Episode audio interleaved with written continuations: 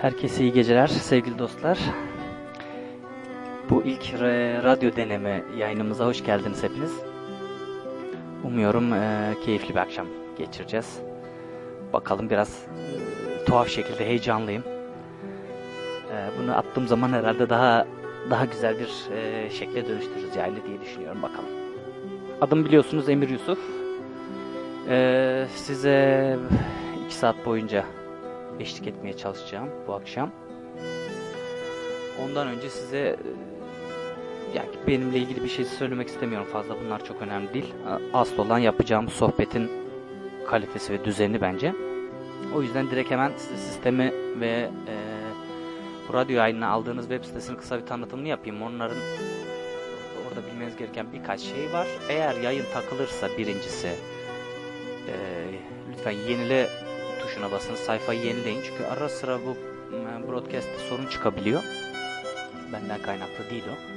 E, serverlarla ilgili bir şey. İkincisi sayfanın altına doğru indiğinizde birkaç şey göreceksiniz. Birincisi Facebook yorum bölümü. Buradan bana görüş, düşünce, eleştiri önerilerinizi söyleyebilirsiniz. E, ben onları görürüm hemen.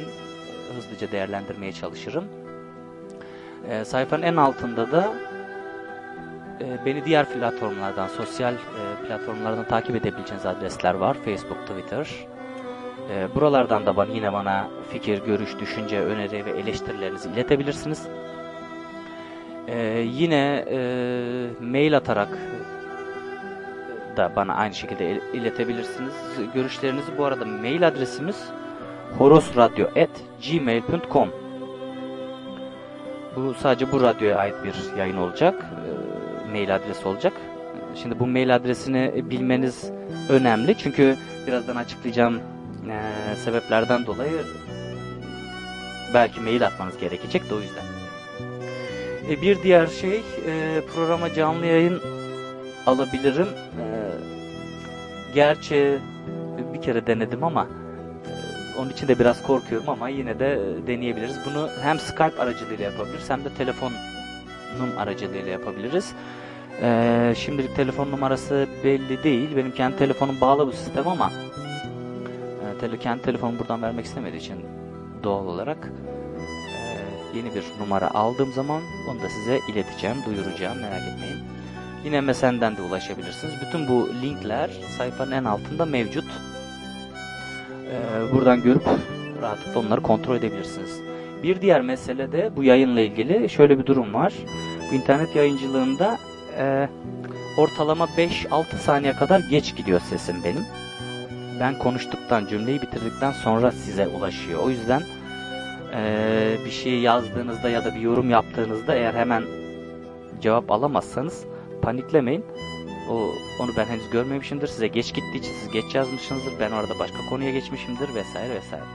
Bunlar sayfa ve teknik işlerle ilgili e, durumlardı. Programlar programla ilgili de size şöyle bilgiler e, vermek isterim. Ben bu programı düzenli yapmak istiyorum. Eğer becerebilirsem şimdilik haftada bir gün ama bunun için uygun gün sanki çarşamba olurmuş hissine kapılıyorum ama şöyle de bir durum var. E, şimdi ben herkese soruyordum hangi günler daha müsait insanlar için anlamak e, anlamak için soruyordum. İşte şu gün mü yapsam, bugün mü yapsam diye. Fakat şimdi şöyle şeyler geliyor bana. İşte pazartesi şu dizi var, çarşamba e, işte ne bileyim Muhteşem Yüzyıl var, perşembe bilmem ne var falan diye. E, şimdi o kadar çok dizi var ki ben bu yayın için yayın aralığı saat aralığı koymam mümkün olmaz eğer ben dizilere göre hareket edersem. O yüzden o çok mümkün olmayacak. Sanırım çarşamba günleri yapacağım. Şimdilik niyetim bu. Eğer her şey iyi giderse belki artırabiliriz gün sayısını. Ee, saat sayısını bilemiyorum. Ona e, zamanla e, bakacağız neler yapıyoruz diye. Ee, sonra size yine programla ilgili neler yapacağım bu programda ve ben neler anlatacağım onlarla ilgili de biraz bilgi vereyim hemen. Bir kere bu programda sabit bölümler olacak bir. İkincisi de sabit olmayan bölümler olacak. Her hafta değişecek bölümler olacak. Ee, bu programın aslında amacını şöyle özetleyebilirim. Ee, yani müzikle ilgili radyo çok fazla var piyasada.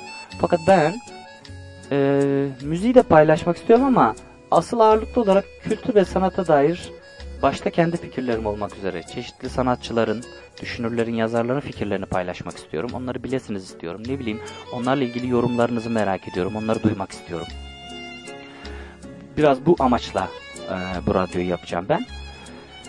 E, tabii kültür sanat olunca da haliyle e, bir takım kültür sanat bölümlerimiz var her hafta.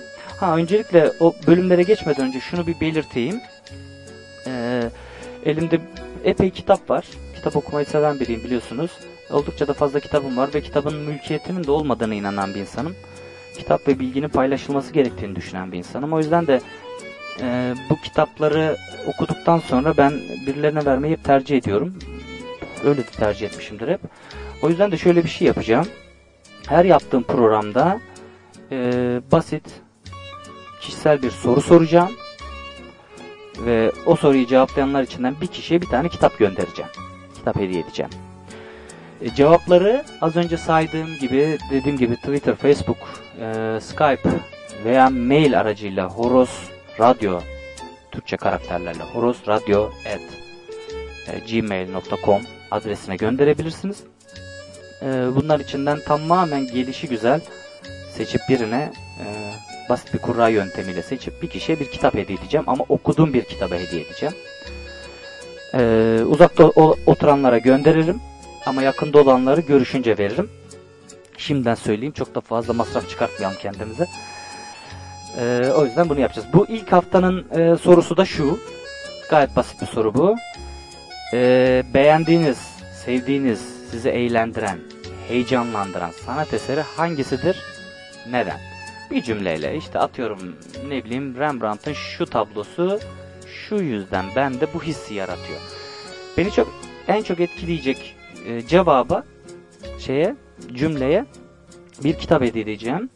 Ee, eğer gönderdiğiniz maillerinizde şey, adresinizi de gönderirseniz e, ya da özel hattan ya da Facebook'tan bana iletirseniz adresinizi de rahatlıkla adresinize postalayabilirim. Şimdi programın e, amaçlarını anlattık. Programda sabit olan bölümleri de bir anlatayım ben size. Şimdi bir kere her hafta niyetim şu ki sanatın öyküsünü konuşmak sizlerle. Bu, bu da şu demek aslında sanatın öyküsünü konuşmak derken e, sanatın öyküsü adında zaten var olan bir kitap var Gombrich'in. E, o kitabı baz alarak da bütün sanat tarihini anlattığı için bütün e, ilk çağlardan bugüne kadarki sanatı ve nasıl şekillendiğini anlatan çok güzel bir kitap. Oradan da esinlenerek kendi fikirlerimi ve düşüncelerimi de katarak sanat öyküsü diye bir köşemiz olacak. Bunu her hafta yapacağız. Sonra her hafta yine olmak üzere ödüllü sorumuz olacak. Az önce tekrar ettiğim soru. Sonra yine her hafta iki tane e, kitap tanıtımı yapacağım. E, kitapla ilgili bilgiler vereceğim. Yazar ile ilgili bilgiler vereceğim kısaca. Fazla da sizi sıkmadan. E, bunu, bu da sabit bir köşemiz olacak her hafta.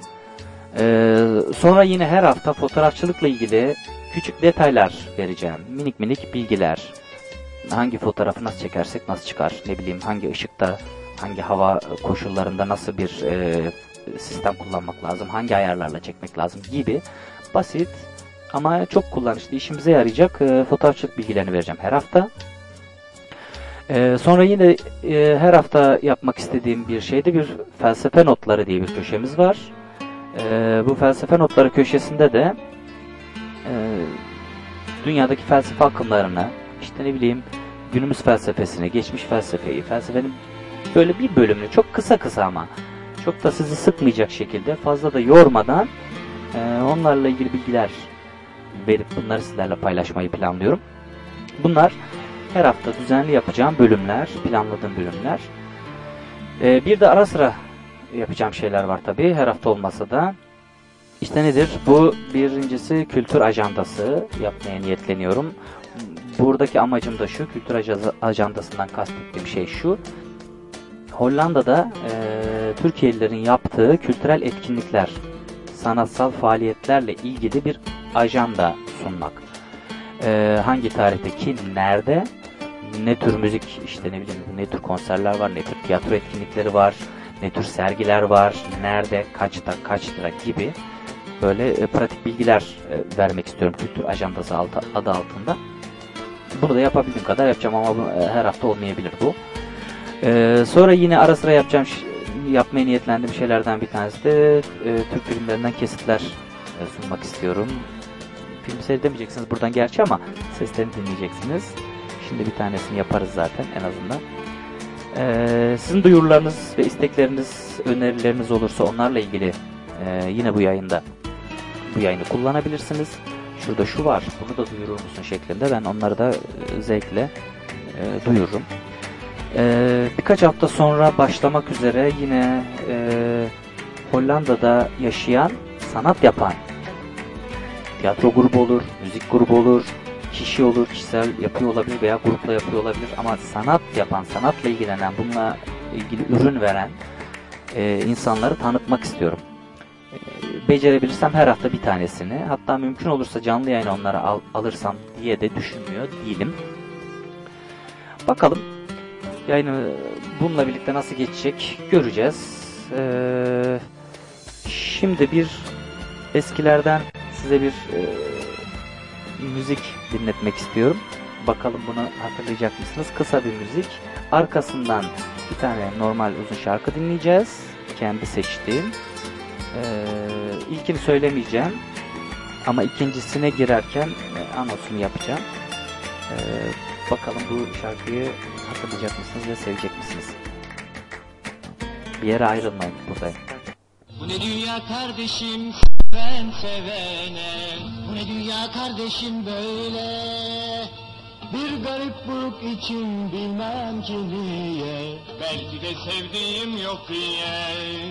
Bu ne dünya kardeşim gülen gülene? Bu ne dünya kardeşim böyle ben de hep onlar gibi gülsem mi öyle? Yüreğim kan ağlasa bile.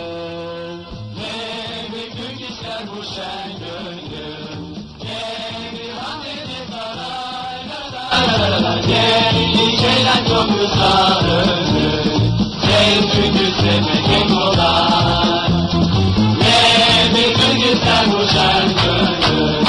Ne bir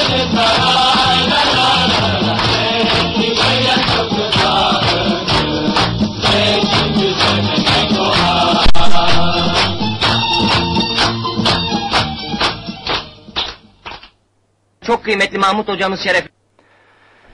Şarkı hatırladık değil mi? Hababam sınıfından. Hep keyifle dinlediğimiz şarkılardan bir tanesiydi. Her zamanki gibi. Şimdi bir e, şarkı arası verelim. Bu arada e, radyoculuğun, radyo dinlemenin ve radyo yayıncılığı yapmanın iki temel kuralını da ben yerine getirdim. Siz de getirmek istiyorsanız biraz süremiz olacak. O süreyi bunun için değerlendirebilirsiniz. Ee, bir yine bir bakayım. Size ilk şarkı olarak modelden değmesiniz, değmesin ellerimizi çalacağım. Ee, kahvemi ve sigaramı aldım. Eğer siz de kahve ve sigara yapacaksanız tam zamanıdır. İyi dinlemeler. Birazdan görüşürüz.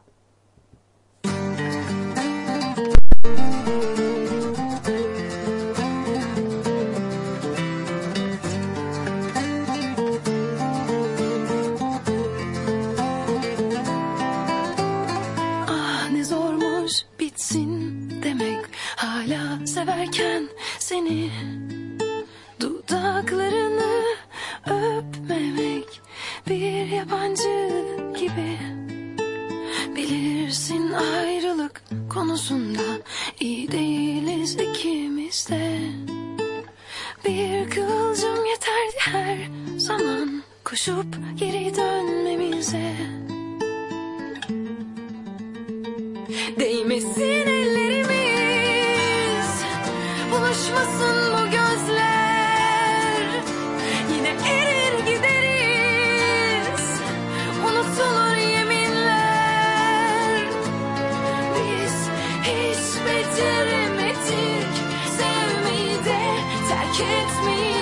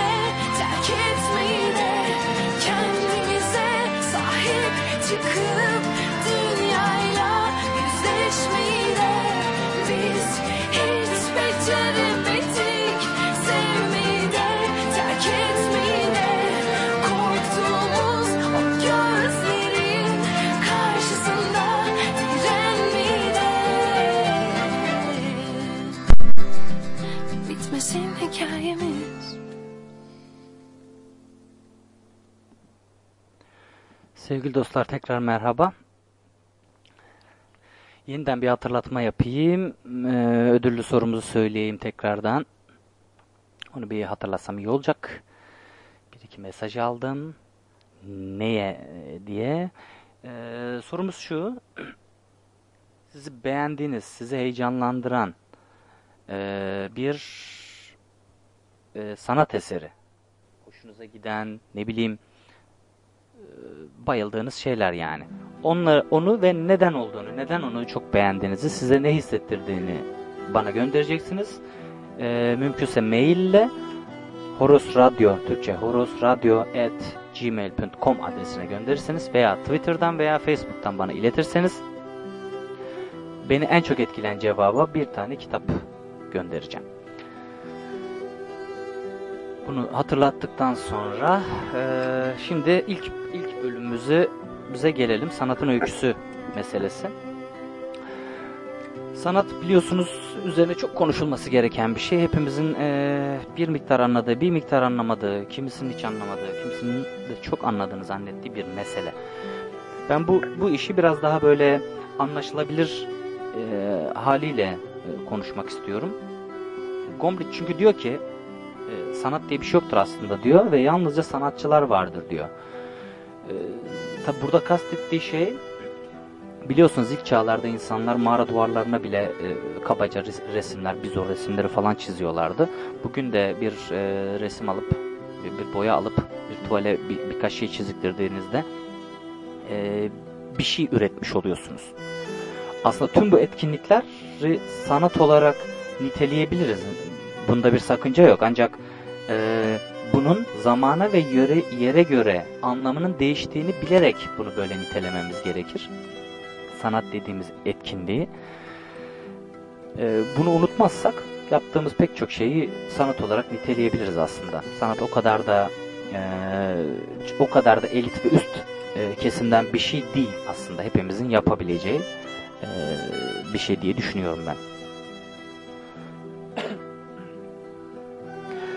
Ee, sanat dediğimiz şey ile ilgili pek çok tanım var piyasada ama aslında e, bir şeyi görünce aldığınız haz ve zevk e, size o şeyin e, yani o sanat eserinin büyüklüğüyle ilgili ya da durumuyla ilgili şey verir, bilgi verir, ön fikir verir aslında. Haz almadığımız bir şeyi, haz, haz almadığımız, zevk almadığımız bir sanat eserini tırnak içinde söylüyorum bunu. Çoğu kez zaten sanat olarak tanımlamayız. Bazen bir resime bakarız. Ee, eğer bir şey hissediyorsak bizim için güzeldir o resim. Tabi günümüzde bu işler biraz değişmiş durumda. Nasıl ki şöyle ki mesela e, sanat eserleriyle ilgili eleştiriler, yazılar okuruz. Sonra o sanat eserinin önünde dururuz. Ve sırf o eleştiriyi okuduğumuz için o sanat eseriyle ilgili yorum yaparız. Deriz ki işte bu şu kişinin şu şu şu şu şu şu teknikleri bilmem neler kullanarak yaptığı sanat eseridir, şahanedir falan filan diye yorumlar yaparız. Oysa yapmamız gereken şey şudur. O resmin karşısına geçip kim olduğunu, kimin yaptığını unutup, ne zaman yapıldığını unutup seyretmek, haz almaktır. Yapmamız gereken şey bana sorarsanız bu olmalıdır. Bu bir tiyatro eseri için de öyle. Diğer şeyler, filmler vesaireler için de öyle. Çok ünlü bir yönetmenin yaptığı bir filmi seyrederiz ve genelde o kadar fazla ön yargılarımız ve bilinçaltımızda koşullanmışlıklarımız vardır ki çok ünlü olduğu için kötü bir şey yapma ihtimali yoktur diye düşünüp onun yaptığı filmi filmi bayılırız genelde. Tabii ki yani bu tür genellemeler yaparken dikkat ediyorum elbette ki e, hepimizin istisnai durumları var. İstisna her zaman e, bu tür durumlarda mümkün yani. E, Birçok insan biliyorsunuz gördüğü şeyi, gerçek hayatta görmekten hoşlandığı şeyi gördüğü zaman e, hoşuna gider. Bunu sanat olarak sa- sanat olarak daha daha böyle beğenilir bulur. Daha iyi olduğunu düşünür. Bu tabii ki de mümkün.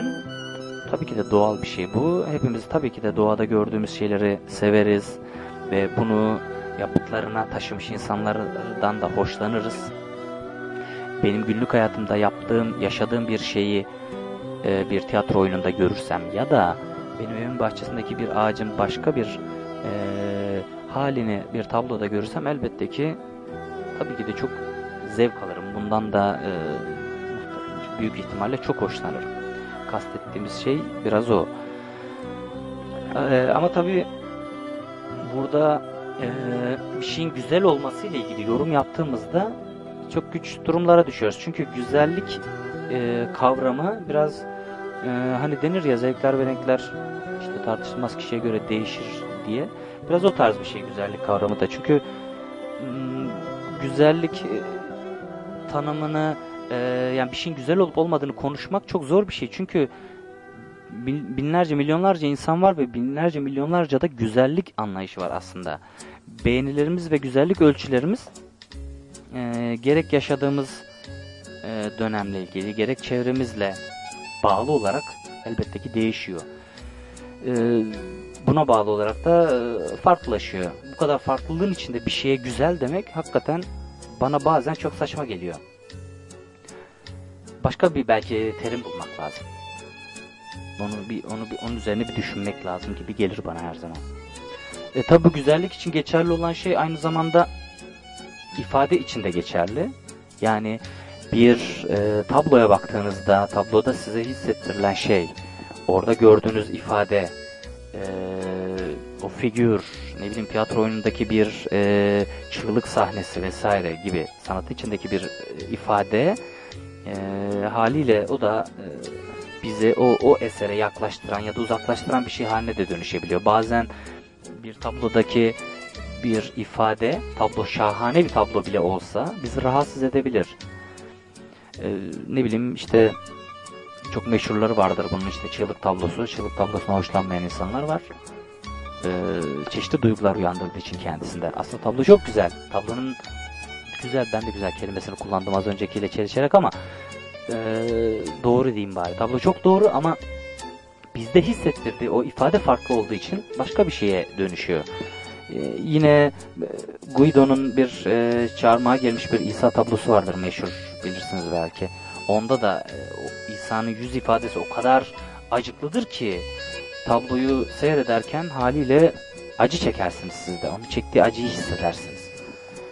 E, bu ifade de tabi bu ifadeden kastettiğim şey de bu.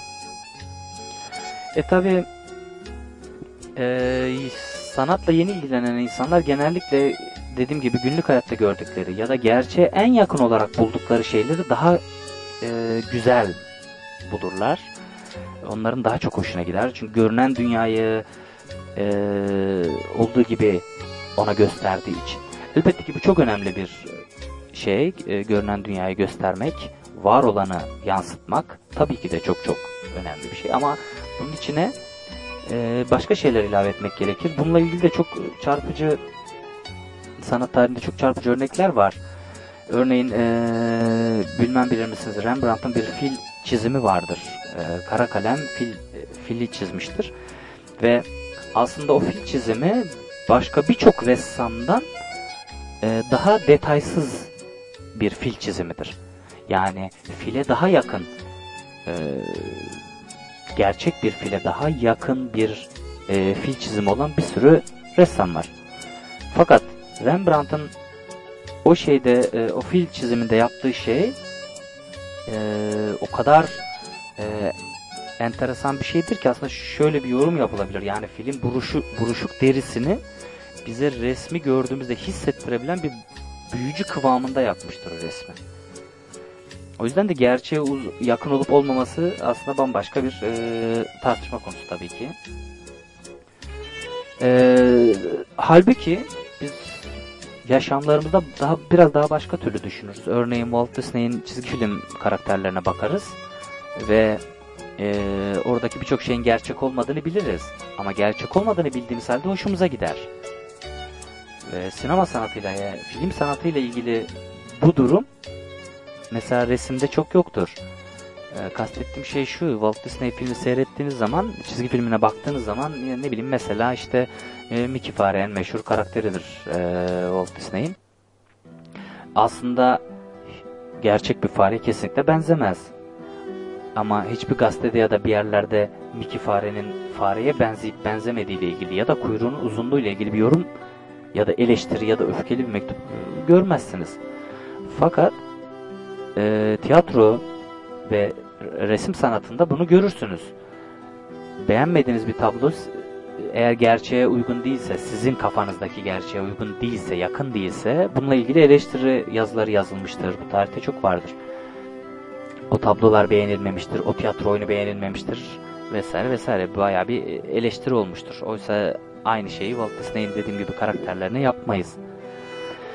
Sonra yine bu durumu biraz daha anlatan bir şey aslında e, Picasso'nun bir e, tablosu var. Horoz tablosu biliyorsunuz. Horoz çizimi diyeyim daha doğrusu tablo demeyeyim de. E, Picasso burada sadece görünüşü vermekle yetinmiyor. Bir de horozun e, öyle bir çizimdir ki horozun saldırganlığını, horozun kibirini, işte biraz bön duruşunu falan da e, dile getirmiştir. Bu çizimle bunu bize hissettirmiştir, vermiştir yani. Oysa yine aynı Picasso'nun bir başka eserde tavuk ecicileri olan bir çizimi vardır ki o çok gerçeğe yakındır. Onda daha gerçekçi çalışmıştır mesela.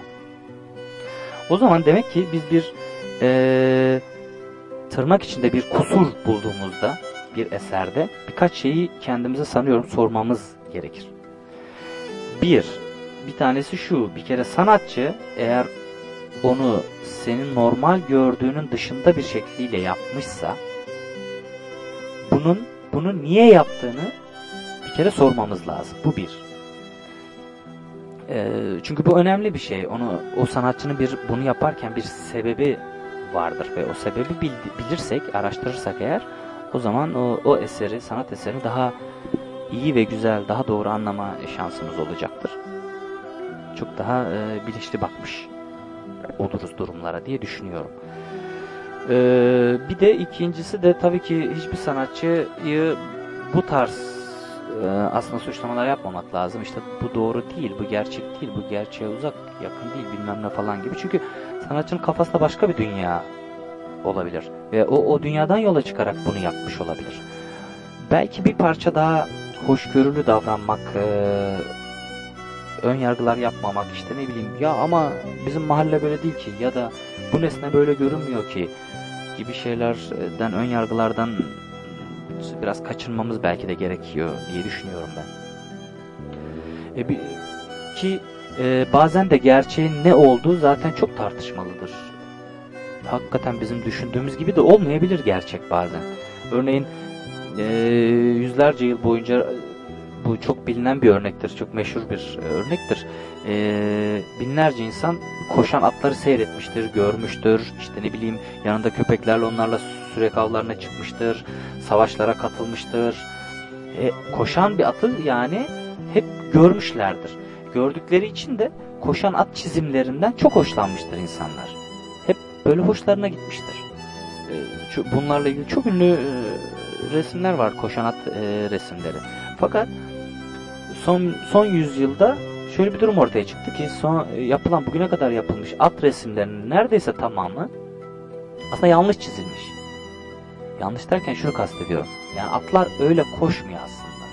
Çoğu at çiziminde büyük ressamların çoğunun at çizimlerinde atın dört ayağı da havadadır. Çok hızlı koştuğunu hissettirir bize. Oysa ki gerçekte atlar hiçbir zaman dört ayaklar havada koşmazlar. Muhakkak e, bir ayağı yerdedir. Bu biraz da fotoğrafçılık teknolojisinin e, gelişmesiyle tespit edilmiş bir şey. İşte dört nala koşan bir atın fotoğrafı çekiliyor peş peşe sonra da ona bakılıyor. Aslında atın hiçbir zaman ayağı yerden kesmiyor. En az bir ayağı muhakkak yere değer şekilde koşuyor at. Fakat ressamlar, büyük ressamlar da dahil olmak üzere atın dört ayağı da havada çizerler. Ama biz bunu hiç garipsemedik yüzyıllarca. Tuhaf gelmedi bize. Oysa gerçekte atları seyretmiştik. Ya az önce kastettiğim şey sanırım bu tarz bir şey. Orada bir de tabii şunu da hesaba katmak lazım. Sanatçı biz böyle başka bir boyuta geçip bunu yapmış olabilir. Başka bir gezegende başka bir şekilde algılamış olabilir olayları, nesneleri, renkleri. O anlamda onun baktığı yerden e, bu eseri çıkartmış olabilir. E, ki bu sanatçının nerede durduğu ve nereye nasıl baktığına dair e, ileriki e, programlarda daha detaylı konuşacağız ama bununla ilgili hemen kısa bir e, örnek vermem gerekirse kastettiğim şey şöyle bir şey. Örneğin Mısır ressamlarının çizimlerine dikkat edin. İşte ayaklar yandan, gövde karşıdan görünür. Ne bileyim kafa yandan görünür. Buradaki şey şudur. Mısır ressamı ve Mısır kültürü şöyle düşünmüştür. Demiştir ki ben bir şeyi nereden en iyi görüyorsam oradan bakayım. Çizimi de ona göre yapmış. Gövdeyi karşıdan daha iyi görebildiği için ve resmedebildiği için karşıdan çizmiş. Ama ayakları karşıdan göremeyeceği için perspektif ve düzlem yüzünden haliyle yandan bakıp çizmiş. İşte kafanın detaylarını yandan ben daha iyi veririm demiş. Ee, yandan çizmiş ama gözleri önden görünüyormuş gibi çizmiş. Ee, kültür ve sanat aslında işte tam da bu anlamda birbiriyle iç içe geçiyor. O, o dönemin insanının e, bakışını da, yaşama bakışını da, dünyaya bakışını da aslında bize anlatan bir şey bu durum. E, tabi bunları bilerek yaparsak ki bu konuya daha e, detaylıca döneceğiz elbette ki. E, bir sonraki e, daha sonraki programlarımızda. E, bu arada ben size yine bir bir küçük mola verdireceğim birkaç dakikalık. Ee, eskilerden da 68 yılından bilmiyorum hoşunuza gider mi? Ee, bir şarkı dinleyeceğim Ajda Pekkan'dan. 68 yılında çıkarttığı ilk e, plaktan bir albüm. Bir şarkı boş vermişim. Bunu dinleyelim. Müzikten hemen sonra konuya devam edelim. Görüşmek üzere.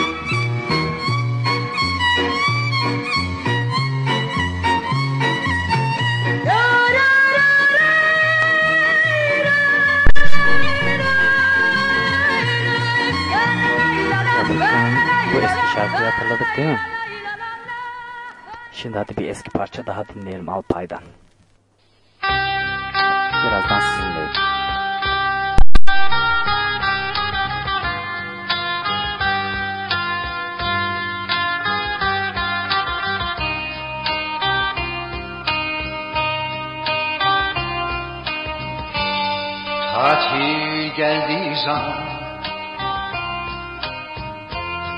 Ağlarım ben inan. Gidiyorsun işte. Arkana bakmadan. Nasıl geçer bu yaz? Ne olur bana yaz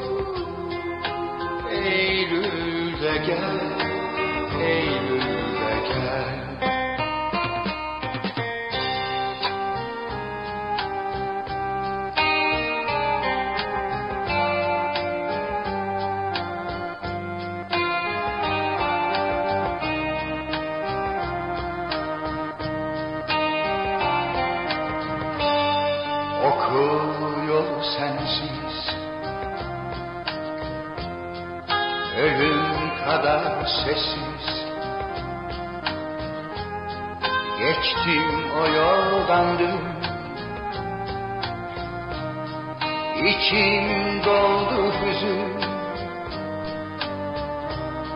Yapraklar solarken adını anarken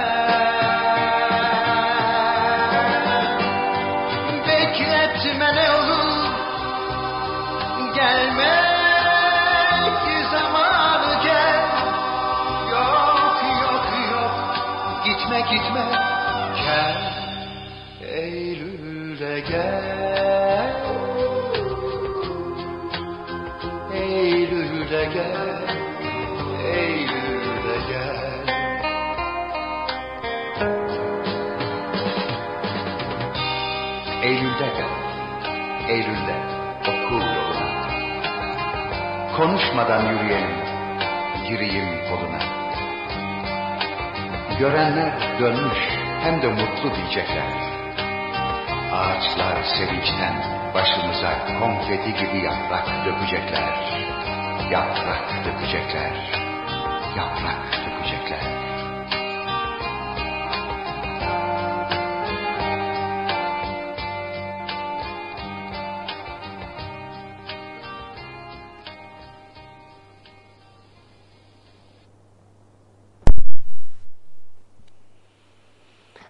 Tekrar merhaba sevgili dostlar. Bu sanatın öyküsü e, köşemizi birazcık daha sohbetle yavaş yavaş sonuna doğru gelelim. Sonuna doğru kapatmaya başlayalım yavaş yavaş. E, de- demin değindiğimiz konulara ilaveten şöyle bir şeyler eklemek istiyorum bu son e, bölümde. E, beğenilerimizin tartışılmayacağını söyleyen biliyorsunuz bir atasözümüz var. E, bu doğru olabilir. Ee, kısmen katılıyorum da ben buna ancak şunu da unutmamak lazım. Beğeniler her zaman geliştirilebilir. Ee, bunu unutmazsak eğer bu ki bunu e, günlük yaşamda da aslında algılayabiliyoruz. Mesela yine ünlü örneklerden bir tanesidir. Ee, eğer hiç çay içmemişseniz, çay içmeye de çok alışkın değilseniz e, harmanı ne olursa olsun, hangi marka ve tatta çay olursa olsun bütün çaylar size aynı tadı verecektir. Çay, çay içmediğiniz için.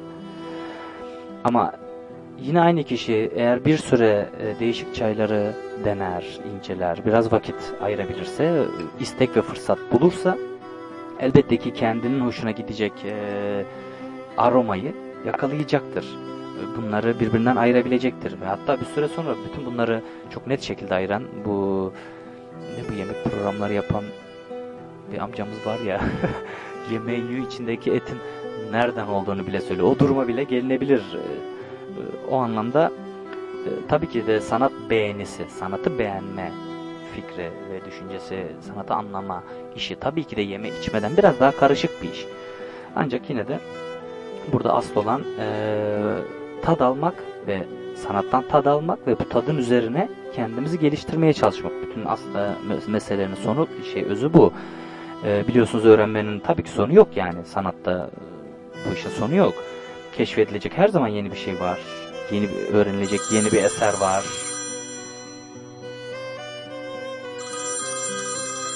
Bu arada telefon çaldı ama bu telefon sanıyorum canlı yayın için değil. Neyse onu atlayalım. Ee, biliyorsunuz ki büyük büyük eserlerde, büyük tiyatro eserlerinde ya da e, resimlerde önüne her defasında geçtiğinizde, her defasında seyrettiğinizde ayrı bir tat alırsınız. Bundan farklı bir e, şekilde şekilde görünür size. Bu işte sanatı öğrenmeyle aslında alakalı bir durum. Ee, doğal olarak da hiç kimse hiçbir zaman sanatı ben biliyorum artık bitti. O, her şeyini biliyorum tümden öğrendim bu işi deme cüretini göstermemelidir. Böyle bir şey elbette ki mümkün değildir yani. Ama şunu da yapmamalıyız.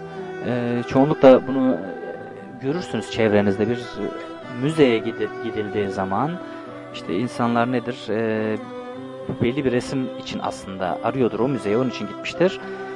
Ee, bir resmin önünde durur durmaz ilk yaptıkları şey işte o resmin numarasını ararlar ellerindeki şeyden. Resmin adını bulur. İşte kitabın sayfalarını karıştırır falan filan. Kimin olduğunu öğrenir. Hangi tarihte yapıldığını öğrenir ve bunu bulur bulmaz da yürüyüp devam eder müzede. Halbuki yani bu insanlar e, böyle yaptığınız zaman o resimdeki hazzı tadı e, almanız da çok mümkün değildir. Burada yapılan iş sadece bir kataloglama, kataloğu kontrol etme. Ben kafamda bu katalog vardı, ha ben bunu buldum deme yoludur ki bu aslında hazla ilgisi olmayan, beğeniyle ilgisi olmayan, doğal olarak da sanatla ilgisi olmayan bir durumdur. Bu, bu, bu bundan e, eğer yapıyorsak ki hepimiz zaman zaman bunu yapmışızdır vazgeçmek gerekir. Hatta işte bir miktar e, sanat tarihini öğrenirsiniz. Biraz bir şeyler mesela bilirsiniz ki Rembrandt ışık ve gölgeyi şahane kullanır. Çok güzel çizer. Sonra bu ışık ve gölgenin işte İtalyancasını öğrenirsiniz. E, işte dersiniz ki o işte chiaroscuro, chiaroscuro e, ışık ve gölge demek İtalyanca'da. İşte resmin bir Rembrandt resmi gördüğünüz zaman yapılan şey genelde şudur biraz karşına durup kollarımızı birleştirip biraz e, bilmiş bir edayla resme bakıp hmm, ne harika bir işte e, chiaroscuro bu de, deriz. İşte bu hem hava atmış oluruz hem bildiğimizi göstermiş oluruz. Ondan sonra böylece de bir e, tırnak içinde söylüyorum zübbelik yapmış oluruz. Sanat zübbeli yapmış oluruz. Ki bu bu çok e, ben, bana sorarsanız sağlıklı bir durum değildir. Onun yerine bir resmin karşısına geçip bir müzede kimin olduğunu, ne zaman yapıldığını umursamadan yani ünlü mü değil mi hiçbir şeyini umursamadan önce sadece seyredin, sadece bakın. Size ne hissettirdiğini düşünün. Onun hazzını, zevkini almaya çalışın. Ancak ondan sonra, aa evet bu çok güzeldi, ben bununla ilgili e, bir şeyler öğreneyim e, şekline bu- bunu dönüştürün. E, sağlıklı olan sanatla ilgili sanat e, anlamayla ilgili şey bence budur. Böyle yapsak bana sorarsanız e, en düzgün olur diye ben e, düşünüyorum. E, sanatın öyküsü köşemizin ilk bölümünü tamamladık. Şimdi bu sanatın öyküsünde e, şöyle bir sıralama yapacağım ben yaklaşık size. E, haftalar içerisinde işte ne bileyim e, ilk çağ sanatçıları ve ilk çağ ile ilgili e, kısa kısa bilgiler işte bir sonraki bölümümüzde. Daha sonra işte ne bileyim e, belki biraz Doğu sanatı, bunun yanında Yunan sanatı, Mısır sanatı, e, arkasından Hint ve Çin e, tabii ki uygarlığın sanatları verilecek. Elbette ki onlarla ilgili de konuşmamız lazım. İşte Orta Çağ e, sanatıyla ilgili bir şeyler bilmemiz, konuşmamız lazım. Sonra Rönesans ve Rönesans'ın sanata yaptığı etkiler, sonra sanatın e, peşinde e, 16. 17. yüzyılda yaşanan sanatın yaşadığı bunalımlar, e, altın çağlar, yükselişi, gücü ve zaferi e, anlatışı, onu onunla ilgili büyüyüşü, daha sonra akıl çağına geçişi, sanatın bu atlamalarını vermek istiyorum. Arkasından işte gelenek, e, bu geleneksel sanat yapısının farklılaşması, modernizm onun ötesinden de e, deneysel sanatlar ve günümüz sanatına kadar e, geçmek istiyorum. Bir sonraki sohbetlerimizde. E, şimdi bir ara vermeden önce ilk e, kitap tanıtımımızı yapalım. Bence arkasından da e, bir iki parça müzik dinleyelim, bir kahve molası verelim. Ondan sonra da e, başka bir e, konuya, başka bir sabit köşemize geçeceğiz. E, size ilk tanıtmak istediğim kitap Ezilenlerin Pedagojisi. Paulo Freire'nin bir kitabı. E, elimdeki baskısı, dördüncü baskı e, Dilek Attatoğlu ve Erol Özbek çevirmişler. Bu kitap beni çok e, çok beğendim, çok etkileyen bir kitaptı.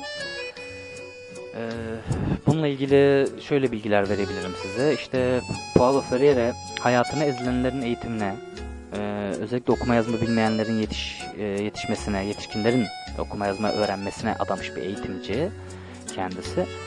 Ee, ve ezilenlerin pedagojisinde de sadece belli eğitim merkezlerinde uygulanacak e, alternatif bir pedagoji değil de daha çok e, amaçları kadar araçları da özgürlükçü olan bir eğitim modeli öneriyor ve bunu anlatmaya çalışıyor.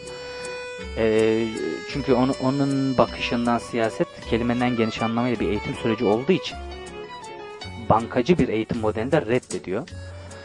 Ee, bu ezilenlerin e, pedagojisinde kurduğu modelde, eğitim modelinde öğrenciler tabii ki de üzerlerine bilgi yatırımı yapılan pasif varlıklar ve boş e, ka- kaplardır der yani ezilenler. Bilgi onlara ihsan edilir. İşte aktif bir araştırma sürecinin ürünü değildir. Onlar nesne. E, öğretmenlerse bilgiyi veren öznedir e, der normal e, eğitim modelinde.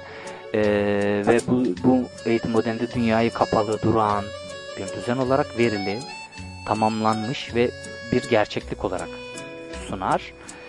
e, diyalog değil de tek yanlı bir dayatmanın söz konusu olduğu bir eğitim modeli olduğunu söyler. O yüzden de bu bunun ezilenleri e, kaderciliğe, özgürlükten korkmalarına e, yol açan bir durum yarattığını e, düşünür. E, buna karşı da ezilenlere dayatılmayan, onlarla diyalog içinde oluşturulan bir pedagoji ve siyaset problem tanımlayıcı eğitim dediği bir model önerir. Ona göre kendisi ne kadar devrimci, kendini ne kadar devrimci sanarsa sansın, ezilenlere nesne muamelesi yapmayı sürdürü, sürdürürsen, e, sürdürerek otoriter ilişkileri yeniden üreten hiçbir e, pratik özgürleştirici olamaz der. Ki bu laf çok önemlidir. E, bana sorarsanız. E, kendini ne kadar devrimci sanarsan san, tekrar edeyim bir daha. Kendini ne kadar devrimci sanarsa sansın, ezilenlere nesne muamelesi yapmayı sürdürerek otorite, otoriter ilişkileri yeniden üreten hiçbir pratik özgürleştirici olamaz der. Biz bundan çok dersler çıkartmalıyız diye düşünüyorum. Özellikle kendini muhalif e, devrimci diye, demokrat diye tanımlayan insanların bunu buna çok dikkat etmesi gerektiğini düşünüyorum ben. Özgürleşmenin de ezilenlere armağan edilecek bir şey değil de onların özgürleşme mücadelesine özne olarak katılımlarıyla ancak bir ürüne dönüşebileceğini söyler Freire. Bu önerdiği eğitim modelinde de zaten insanların e, dünya ile ilişkilerindeki problemleri e, tanımlamalarını, işte dünyaya e, insanın kendini yaratma görevinde kullandığı bir malzeme olarak görmelerini e, sağlama amaçlamıştır. Bu bir olma sürecidir der. Bitmemiş, yetkinleşmemiş. Bu yüzden de yaratıcı ve olan, hala olmaya devam eden varlıklar olarak insanları görür, öyle değerlendirir. O yüzden de eğitimin içeriği e, işte ezilenlerle diyalog kurularak, onların konusal evreni dikkate alınarak belirlenmelidir der. Yani diyalog ön şart ise insanlara inanmaktır der. Muhakkak sevmeyi becerebilmektir der. E, Paulo Freire'nin Ezilenlerin Pedagojisi adlı kitabı ile ilgili kısa bilgi vermeye çalıştım size. Bu, bu arada Paulo Freire de e, Brezilya'da orta sınıftan bir ailenin çocuğu olarak doğan bir yazar. 1921'de doğuyor ve 97'de ölüyor Brezilya'da. E, tabii çok çekmekle birlikte çok da büyük başarıları var. İşte ne bileyim e, UNESCO'da çalışmıştır. Amerika'daki pek çok yerde e, dersler vermiştir. Harvard'da e, eğitime dair dersler vermiştir. Hatta bu Ezilenlerin Pedagojisi kitabını da zaten Harvard'da yazmıştır. E, okunası bir kitap. E, beni beni de çok beğendiğim, çok e, beni de etkileyen kitaplardan bir tanesidir. İlk tanıtmak istediğim kitap buydu. Bu arada ödüllü sorumuzu tekrar hatırlatayım. E, beğendiğiniz, sizi etkileyen, heyecanlandıran, düşündüren, sevdiğiniz bir sanat eseri. Bu bir resim olur, tiyatro olur, heykel olur veya başka sanat e, dallarına ait olur. Hiç fark etmez. Bunu e, bu eseri ve bu eseri neden beğendiğinizi anlatan bir cümleyle, çok uzun değil, şu şu şu sebeplerle seviyorum şeklinde bir cümleyle e, bana mail atarsanız veya Facebook veya Twitter'dan bana ulaşırsanız e, içinden e, basit bir kura yöntemiyle bir kişiye bir kitap hediye edeceğim. E, kazanan kişiyi de her hafta söyleyeceğim buradan, duyuracağım. E, sorumuz da böylece hatırlattığımıza göre şimdi bir iki şarkılık bir ara verelim. Ben o arada bir e, sigara içeyim. Tabii heyecanlı durduğunca benim sigara burada söndü. E, o yüzden onu yenileyip bir de kahve yapayım kendim o arada. Siz de birer kahve alın. E, biz de orada Mazhar Fuat'tan bir şeyler dinleyelim derim ben. Ee, Mazhar Fuat'tan Agu albümünden seçelim. Ee, Sarı Lalelerle başlayalım. Hepimizin bildiği. O neydi öyle devam edelim. İki parça sonra. Burada yine buluşalım. Bir yere ayrılmayın.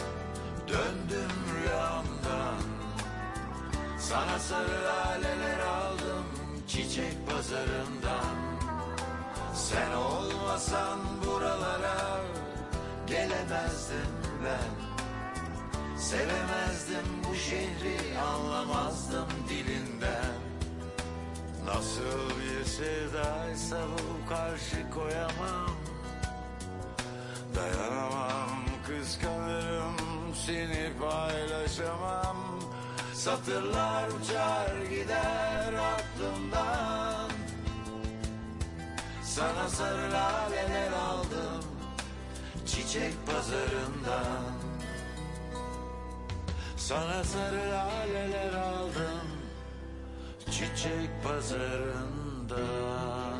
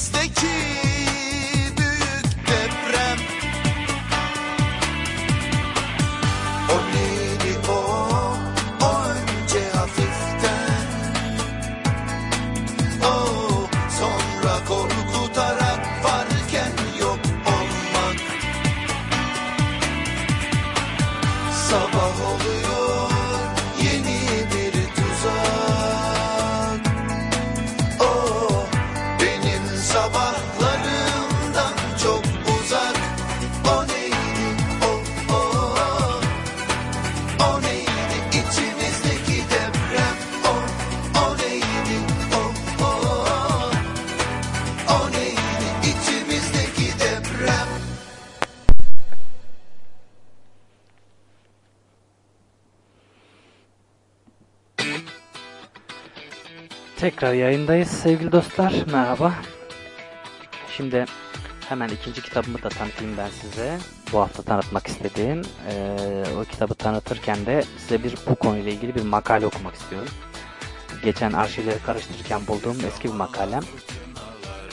Ee, 97 yılında e, Can Şenli Oyuncuların Sanat Dergisi'nde yayınlanmış bir makalem.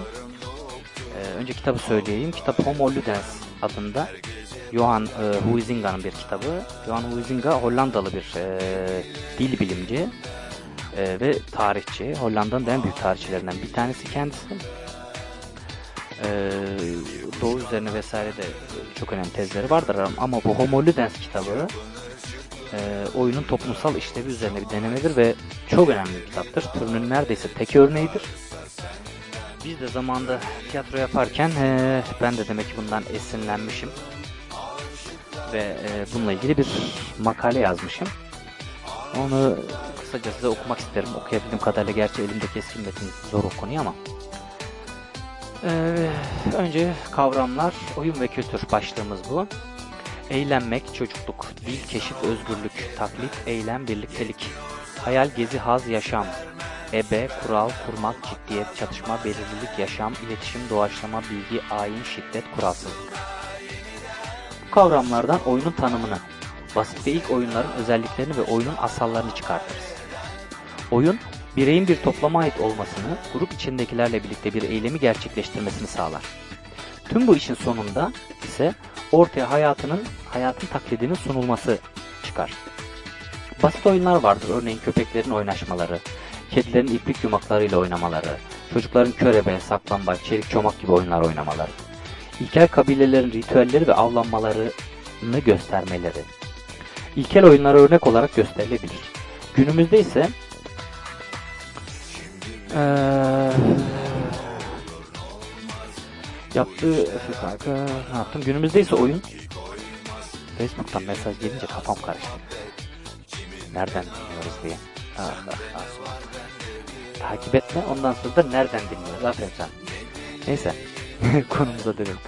Günümüzde ise oyun, futbol, tiyatro, konser vesaire gibi daha karışık ve organize ve gelişmiştir. Basit ilkel oyunlarda ve günümüz oyunlarda ortak olan ögeler nedir?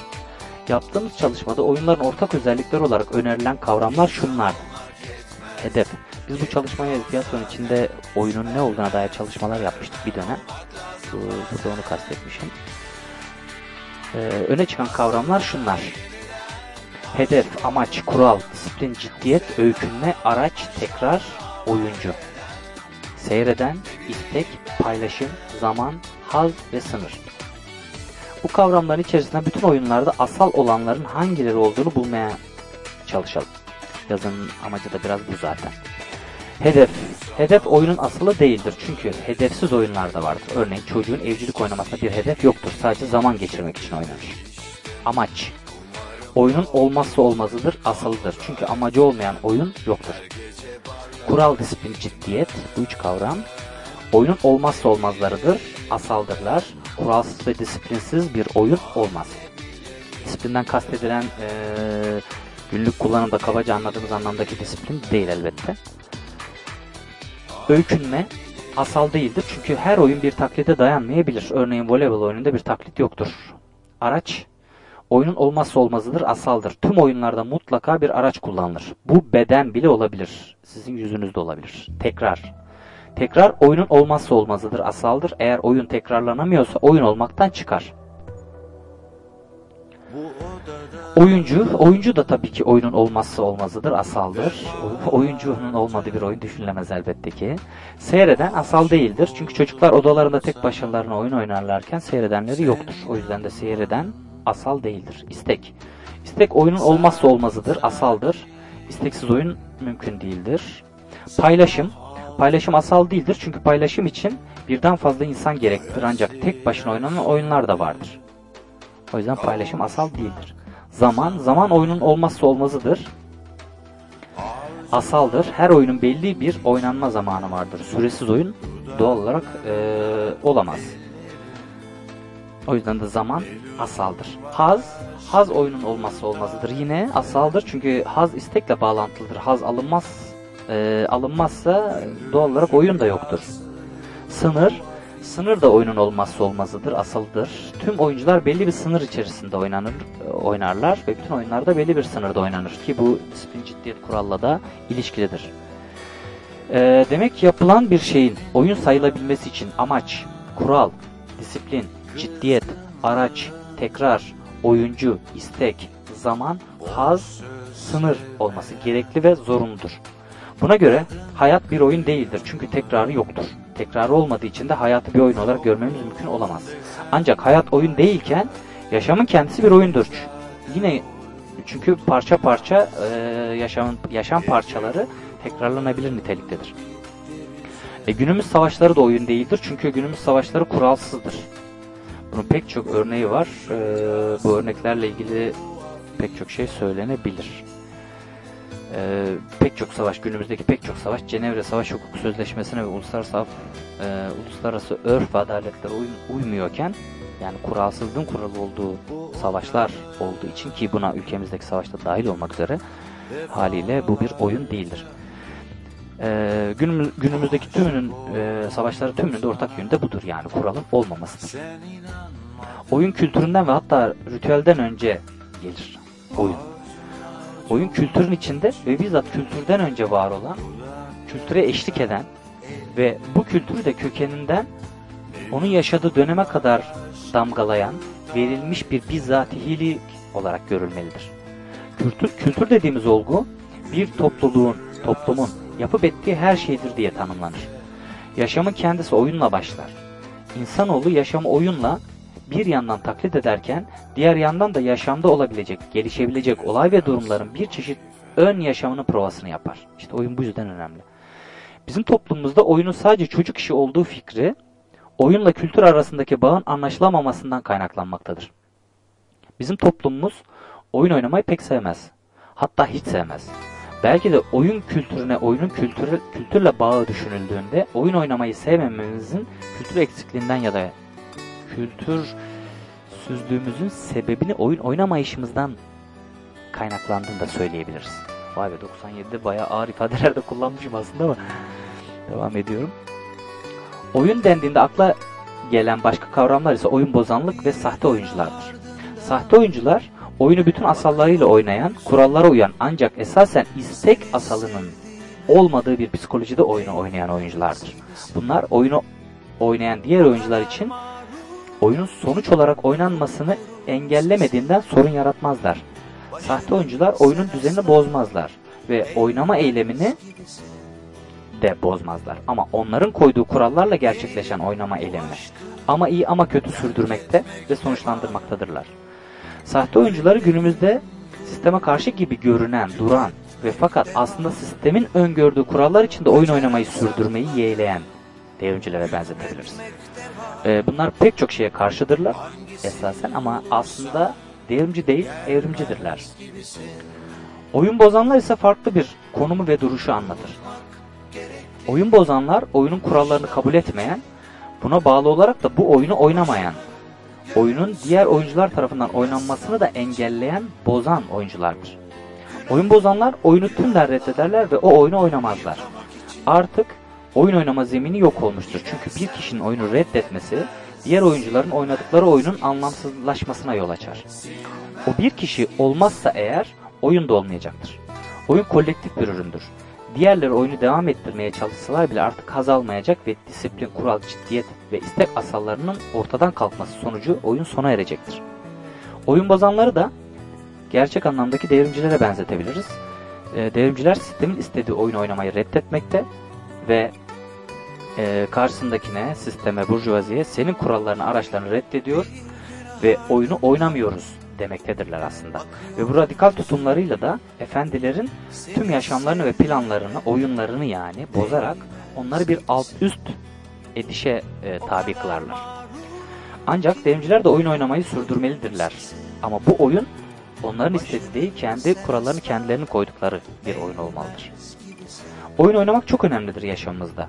Oyunu anlamaya çalışmalı ve oyun oynamayı da sürdürmeliyiz. Bu konuda benim önerebileceğim birkaç kitap var. Bunlardan birincisi Çekirge adlı kitap. Ee, diğeri yazımızın yola çıkış gerekçesi olan Homo Ludens. Yazarı Huizinga. Son olarak da Sanat e, Dünyası dergisinin 94 bahar sayısında ana başlığı oyun kültürü yer alan bütün yazılar demişim ama 94 yılının sayı 55'in bahar dergisini Sanat Dünyası dergisi nerede bulacağız? Tüm bunlar bir sanatçının insanın okuması gereken değerli çalışmalardır. Oyun oynamayı sadece tiyatro veya çocukluk olarak almayalım ve öyle anlamayalım. Yaşamın her anında oyunlar oynayalım. Çünkü güzel oyunlar oynadığımızda eğlenir ve eğlendiğimiz anlarda çocuklaşırız. Ee, çocuk ruhunda kalabilmekse yaşamı oyunlaştırarak mutluluğu yakalamanın en güzel yoludur. Her oyun, her yeni oyun özgürleşmenin kendisidir. Ee, diyerek de bitirmişim. Ee, bu yazıyı dediğim gibi oyun çalışmaları e, üzerine e, yazmıştım o, o zamanlar 97-98'lerde ve e, Homo Ludens oyun insan e, kitabından çok etkilenerek yazmıştım. Bu Homo Ludens'te zaten e, hemen arkasında size kısa bir paragraf okuyayım kitabı anlamak açısından. Şöyle der Huizinga. Biz insanların homo sapiens nitelemesini hak edecek kadar akıllı olmadığımız artık anlaşıldı. Birçok hayvanın da alet yapabildiği, dolayısıyla insana homo faber demenin de anlamsız olduğu görüldü. Peki biz kimiz? İnsana özgü üçüncü bir özellik olarak homo ludens'i, oyun oynayan insanı bu nitelemeler arasında kullanamaz mıyız diye soruyor. Huizinga. Ve e, bu bunu e, ispatlamak için bunu e, Homo Ludens insanı gerçek anlamda Homo Ludens olduğunu anlatmak için de bu kitabı yazıyor. Çok da güzel bir kitap. İkinci tavsiye edeceğim ve anlatacağım kitabımız da buydu. Şimdi e, hemen size Şebnem Ferah'tan bir parça çalayım. Bir nefes daha alayım. E, sonra devam edelim. Bir yere ayrılmayın. Hemen geliyorum.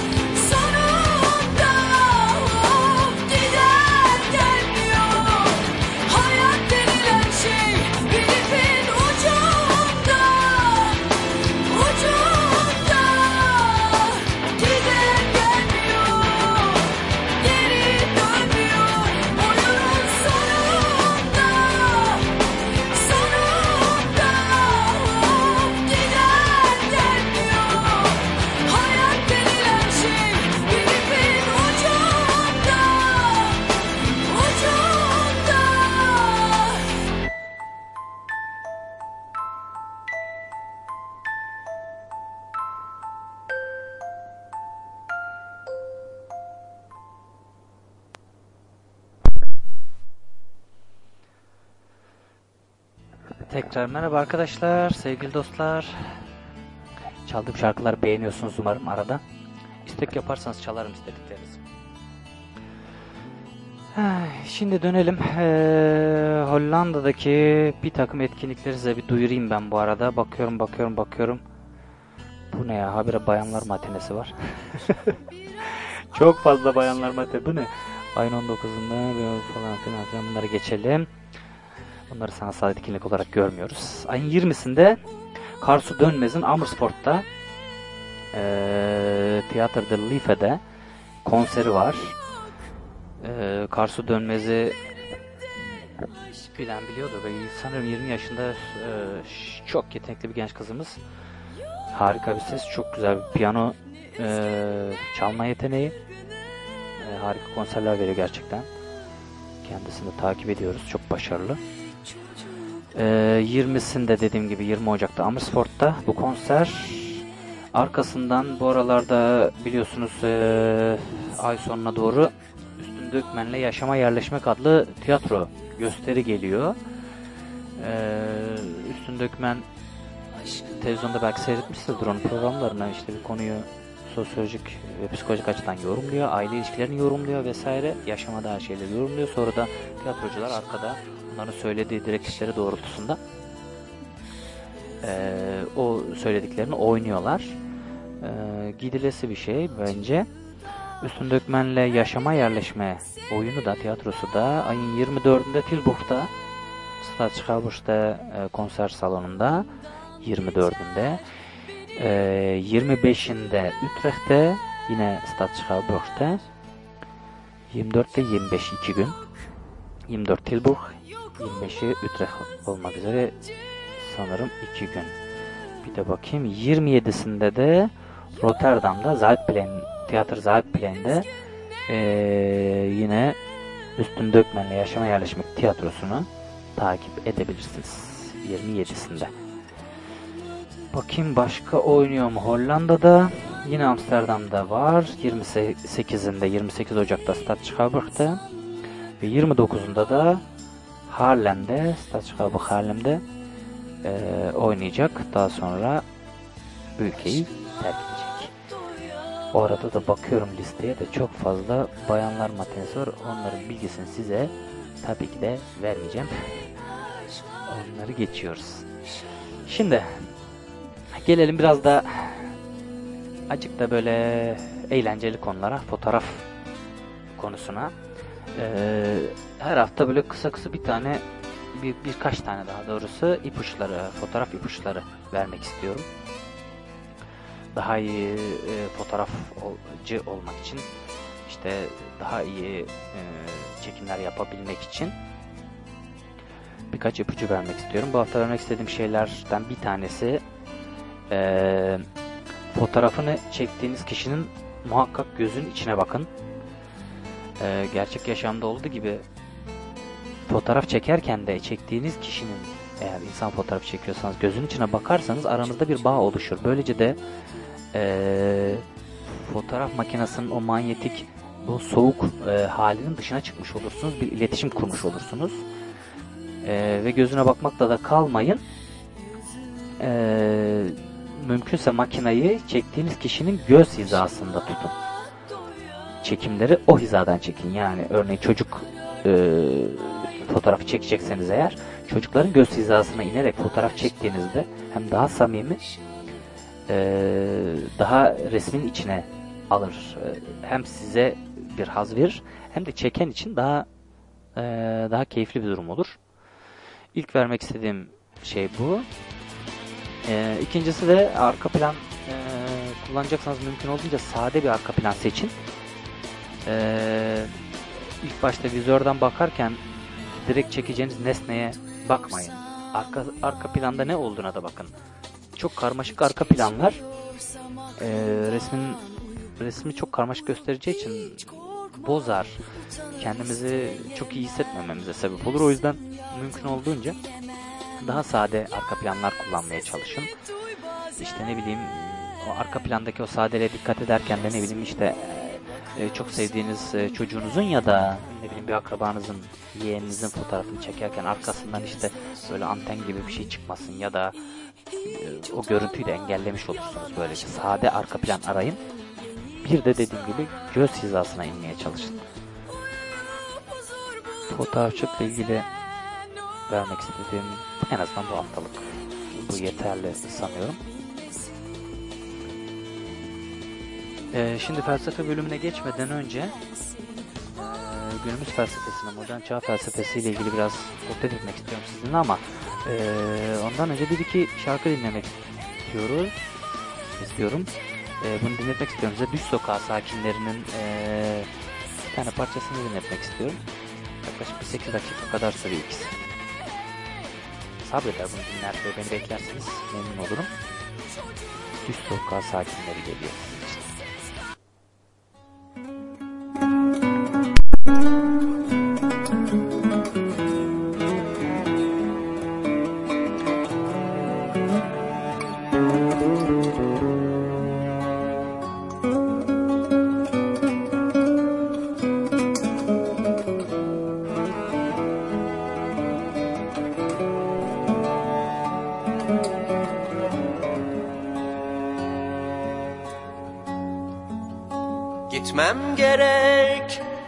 Şehirden. Bir rüya oldum sevdamın gergefinde. Neden çocuklar beni gösteriyor?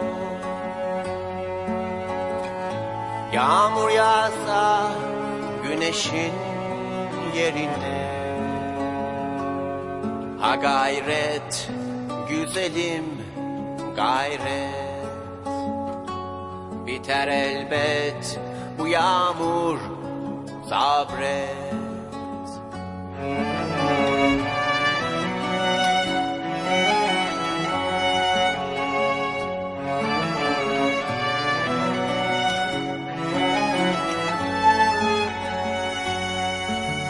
Sensizlikten olsa gerek Çekilmez oldu buralar Hep benle beraber Bulamadıklarım. Bak cesaretim yok artık. Geç oldu yorgunum. Yine deli oldum sayende. Saçımda rüzgar Ha gayret. Güzelim gayret. Biter elbet bu yağmur sabret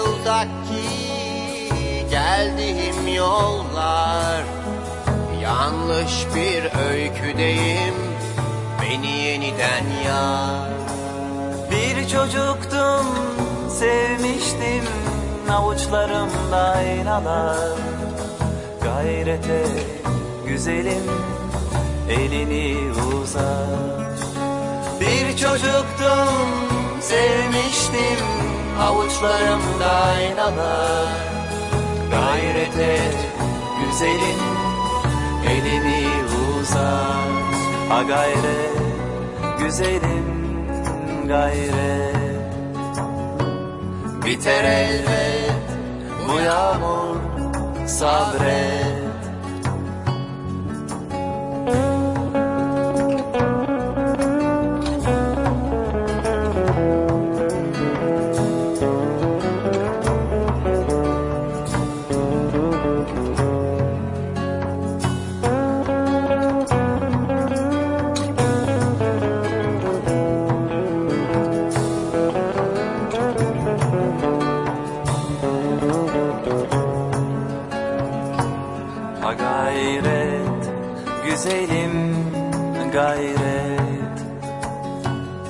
Biter elbet bu yağmur sabret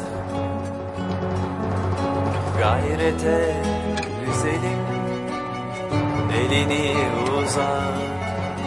Gayrete güzelim elini uzat. Gayrete güzelim elini uzat. Gayrete elini uzat Gayrete güzelim. Elini uzat Gayrete güzelim. Elini uzat Gayrete güzelim. Elini uzat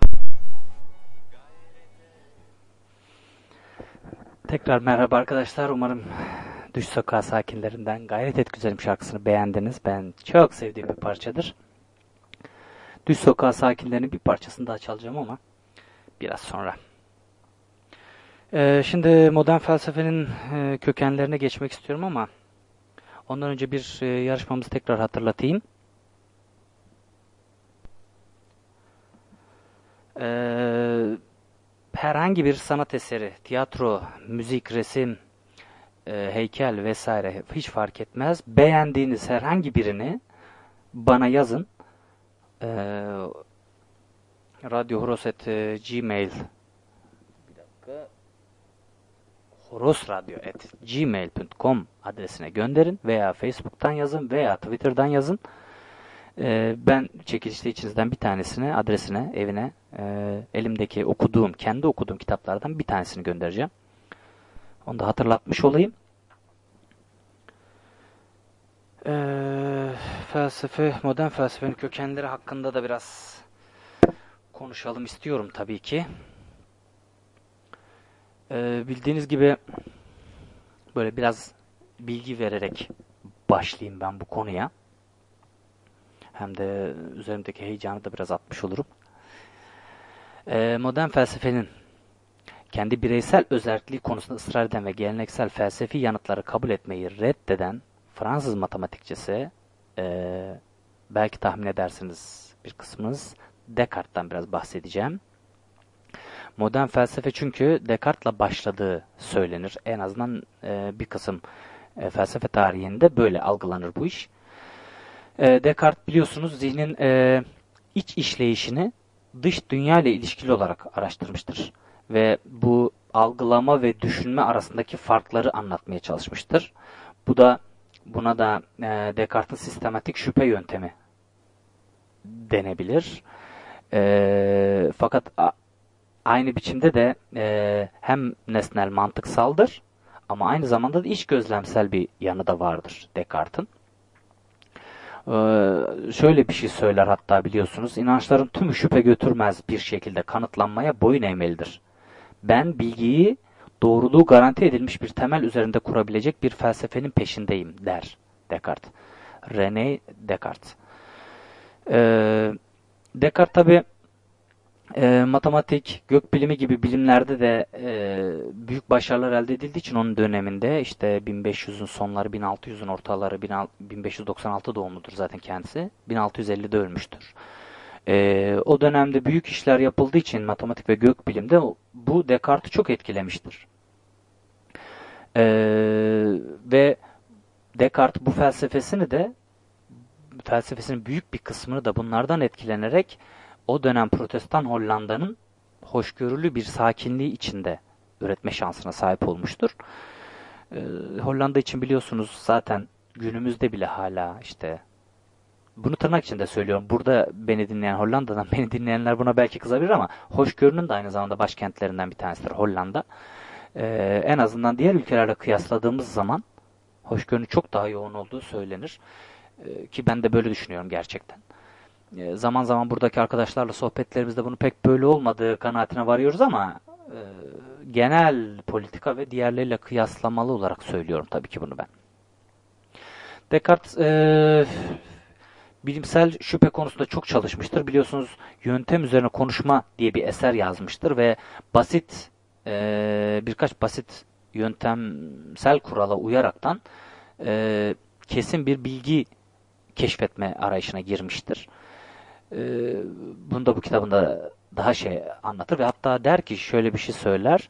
Duyularım beni aldatıyor. Suya batırılan düz çubuğun eğri olduğu bilgisini veriyor. Tüm deneyimlerimin yalnızca düş ve sanrılardan ibaret olmadığını kanıtlamanın ikna edici bir yolu yoktur der.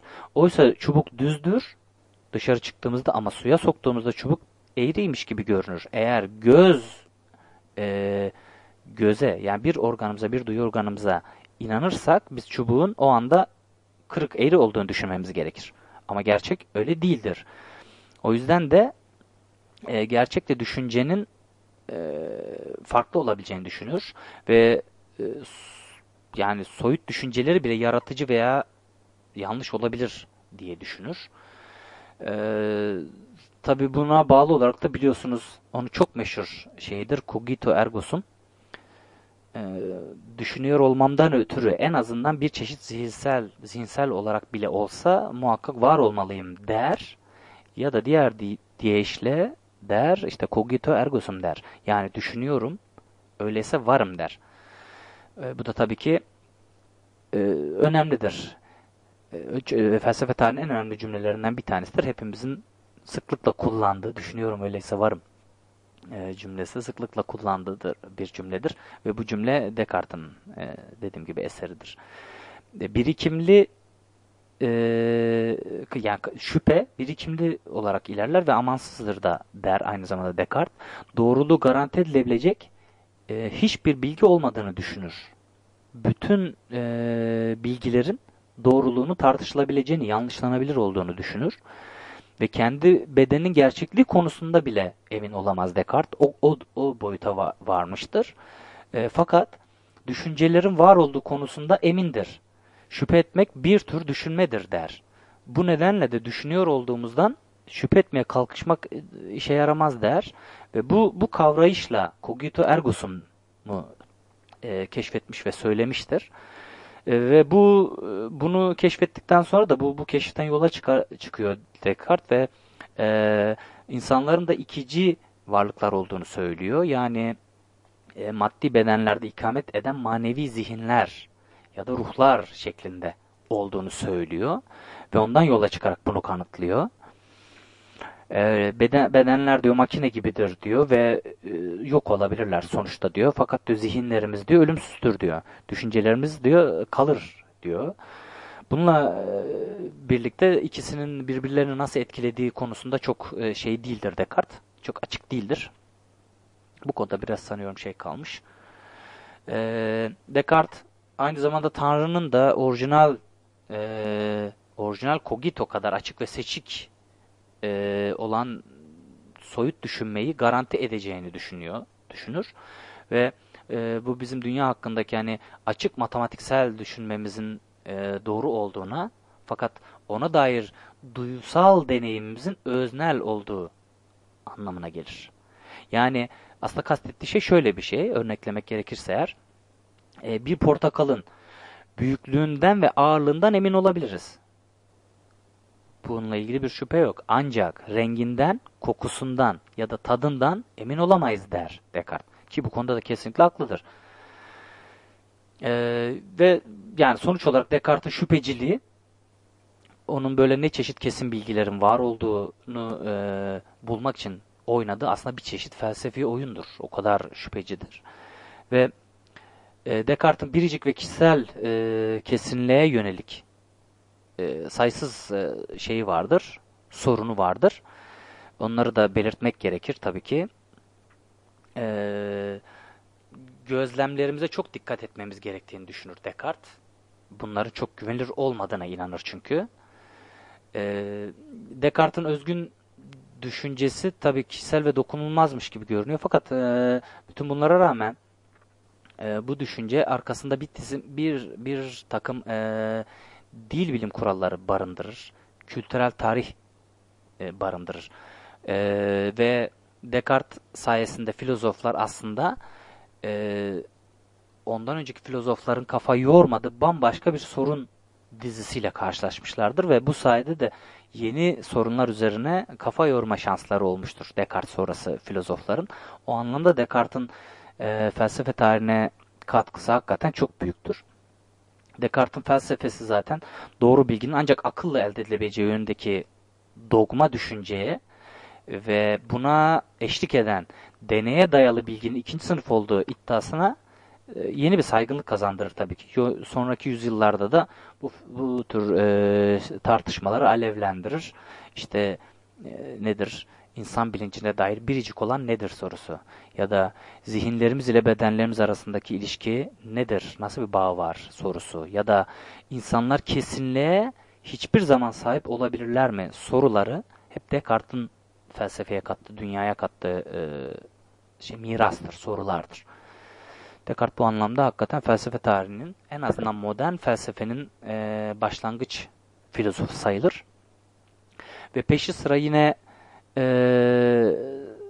felsefe o dönemin e, tabi altın çağını yaşadığı için Hollanda Hollanda kökenli pek çok filozof dünya felsefesini etkilemiştir. Devamında bir sonraki yayınımızda yine konuşuruz. Tabii ki Spinoza'yı e, konuşmadan, konuşmadan e, böyle bir şey mümkün değil.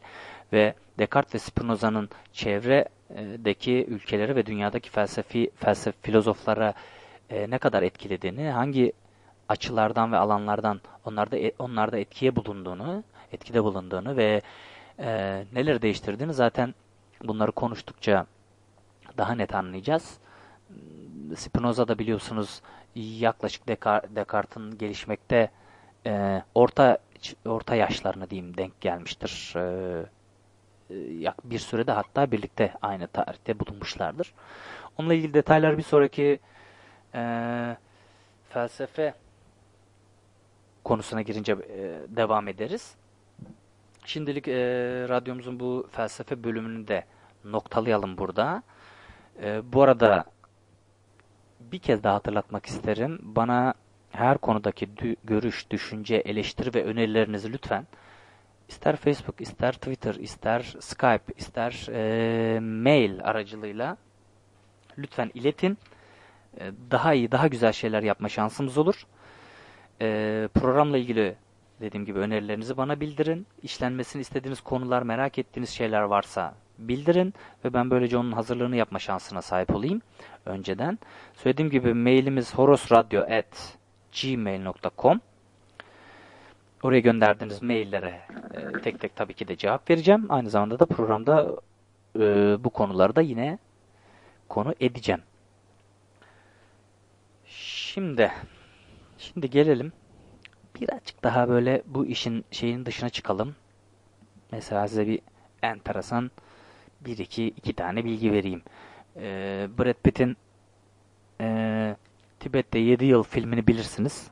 Çok meşhur ve çok da güzel bir filmdir. Çok da güzel oynamıştır. Fakat bu filmdeki rolü yüzünden Çin'e girmesi yasaklanmıştır ve çok uzun yıllar sanıyorum hala Brad Pitt Çin'e giremiyor sırf bu yüzden. Böyle belki de hiçbir işinize yaramayacak e, enteresan bilgileri ben araya sıkıştırmaya çalışacağım. E, yayında biraz daha eğlenceli hale getireceğim ama bu ilk programım artık e, biraz idare edin beni. Biraz hem heyecanla biraz gergin oluyor insan. Çok neşeli e, olamıyor ama bunu düzeltirim. Böyle çünkü bu bu ciddiyette bir program değil de biraz daha böyle soft, light bir program yapmak istiyordum ben aslında. Fakat heyecandan dolayı biraz böyle çok ciddi bir programa dönüştü. Onu zamanla atarım diye düşünüyorum. Ee, Matrix'te oynayan Keanu Reeves'i biliyorsunuz. Ee, 23 yaşından sonra gitar çalmaya başladığını biliyor musunuz peki? Ya da 23 yaşından sonra gitar öğrenip de e, Dogstar adlı rock grubunda bas gitar çaldığını biliyor muydunuz? Bu ünlü e, olmadan önce, filmlerde oynamadan önce. Size iki tane enteresan bilgi. Bu tür gereksiz bilgileri, hiçbir işinize yaramayacak bilgileri daha vereceğim. Şimdi Düz Sokak sakinlerinden yine çok sevdiğim bir şarkısını dinleyelim. Ee, peş peşe iki şarkısını dinleyelim hatta. Bakayım vaktimiz ne durumda? Bir şarkı dinleyelim. Evet. Al Beni Yar e, şarkısını dinleyelim. Ee, sonra tekrar geleceğim ve e, son konuları bir toparlayıp bir iki tane şiir okuyup, şiir dinleyip e, programı yavaş yavaş sonlandıracağız. Bu şarkı e, çok güzel bir şarkı. Sonuna kadar dinleyin derim. Görüşmek üzere.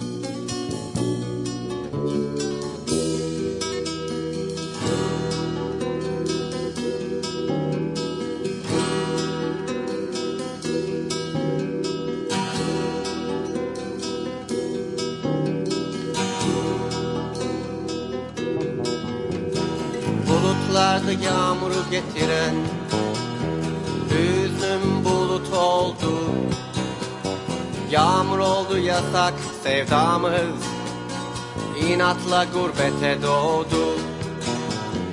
Acıya büyüdü sevgiler Karanlıklar kentinde. Güneşi hiç göremeden Oynadığımız bir oyundu. Al beni yar götür Götür buralardan Bıktım artık hep aynı Varoluşlardan. Al beni yar götür Götür buralardan. Bıktım artık hep aynı Varoluşlardan. Yitirmekten yitirilmekten Korkudan korkmalardan Aldatmadan aldatılışlardan Hiç almadan hep vermelerden. Al beni yar götür Götür buralardan. Bıktım artık hep aynı Varoluşlardan. Al beni yar götür Götür buralardan Bıktım artık hep aynı Varoluşlardan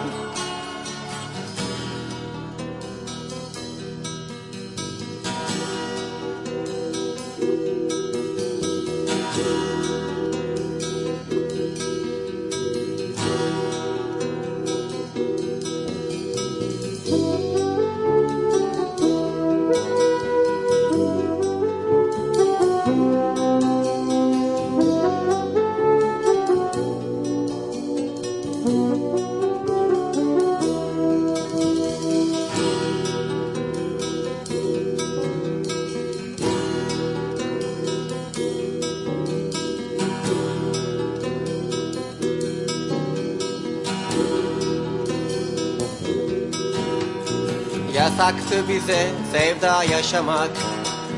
Aramızda hep birileri oldu.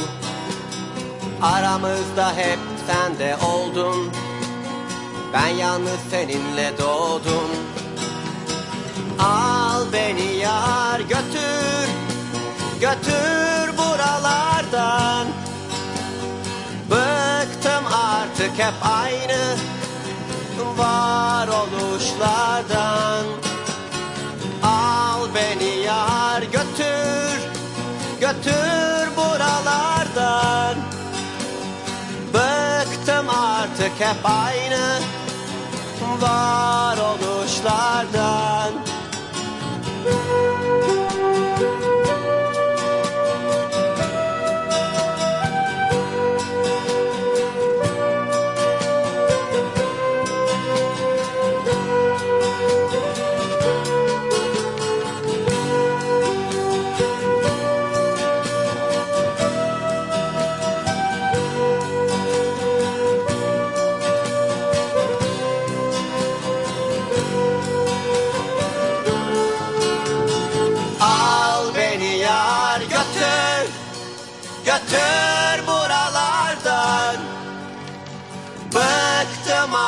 hep aynı Varoluşlardan.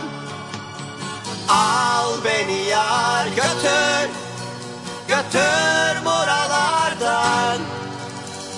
Bıktım artık hep aynı varoluşlardan. Al beni yar götür Götür Bıktım artık hep aynı varoluşlardan Düş sokağı sakinlerinden Al Beni Yar dinledik. Çok sevdiğim bir parçadır. Çok keyifle dinliyorum. Umarım siz de keyifle dinlediniz. Bu arada ben e, tabi ilkinin acemiliği e, yayının başında o günün tarihiyle ilgili takım sanatsal bilgiler vermek istiyordum ama unuttum. Arada bunlarla ilgili e, size birkaç bilgi vereyim. Bugün biliyorsunuz 17 Ocak 2003. 17 Ocak e, ben tarih böyle şey tarihlerine çok meraklıyımdır. 17 Ocak'la ilgili bazı belki bilmemiz gerektiğini düşündüğüm şeyler var. Mesela e, Cervantes'in Don Quixote romanı 17 Ocak günü yayınlandı. E, ilk bölümü tabi. İkinci bölüm 10 yıl sonra yayınlandı gerçi de. E, 17 Ocak 1605'te oldukça e, o anlamda güzel bir tarih olmuş oldu. Başlangıç için seçtiğimiz tarih. Yine her yayında dediğim gibi ben tarihle ilgili, o günün tarihiyle ilgili böyle birkaç tane e, ilginç bilgi bulabilirsem vermek isterim. E, biraz sanatın dışına hatta çıkacak olursak e, bu da e, futbol fanatikleri varsa aramızda onlara gelsin bu bilgide. E, yine 17 Ocak'ta 1909'da Fener'le Fenerbahçe ile Galatasaray e, ilk kez karşılıklı futbol maçı yapmışlar. Tabii 1909'da ve bu maçı Galatasaray 2-0 almış. Ta- takımım diye biraz şey yapayım, hava atayım. Onu da e, belirtmiş olalım derim. Şimdi ben aslında e, haftaya kaldı. Haftaya size e, tanıtmak istediğim çok güzel bir kitabım var elimde. Frans Fanon'un Yeryüzünün Lanetleri diye. Çok çok beğendiğim bir kitap. Haftaya uzun uzun size bu kitaptan bahsedeceğim. Ee, yine haftaya sanatın öyküsüne devam edeceğiz. Ee, modern çağ felsefesine devam edeceğiz. Elbette ki e, fotoğrafçılıkla ilgili bilgilere devam edeceğiz. Ee, yine müzik dinlemeye devam edeceğiz. Tabii ki de bunların hepsine e, aynı şekliyle yaparız diye devam ederiz diye düşünüyorum. Ee, bu arada yayının sonuna doğru geliyoruz ama aslında kafamda kurduğum yapmayı düşündüğüm pek çok şeyi bu arada sıkıştıramadım. Bakarsınız ileride e, sponsorlar buluruz. 2 saatten fazla yaparız. E, daha fazla iletişim haline geçeriz. İşte canlı yayınlar yaparız. Belli sanat konuları tartışırız. Umuyorum o hale doğru ev, evrilebilir bizim bu yayın diye düşünüyorum ve umuyorum. Ee, zaman zaman yani en azından yayının bir kısmını Hollandaca yapabilmeyi istiyorum becerebilirsem eğer. Ama onun için henüz yeterli değilim. Radyo yayını yapacak kadar yeterli değilim. O yüzden onu da şimdilik erteliyoruz diye düşünelim. Ee, son olarak bir şiir okumayı deneyeceğim size. Ondan sonra da yine e, kapanışı Düş Sokağı sakinlerinin yine çok sevdiğim bir şarkısıyla yapalım derim ben. Ee, ona gelmeden evet ya hepsini bir arada yapması bayağı zormuş. Aslında bu radyo yayın işi o kadar da kolay bir iş değilmiş. Bunu da böylece anlamış oldum. Ee, zorlandım da belli oluyor herhalde ama hatalarım için bağışlayın beni. İlk yayınımdır. Birkaç hafta deneme yayını şeklinde yapacağız. Ee, ona göre daha sonra bu durumları düzeltiriz.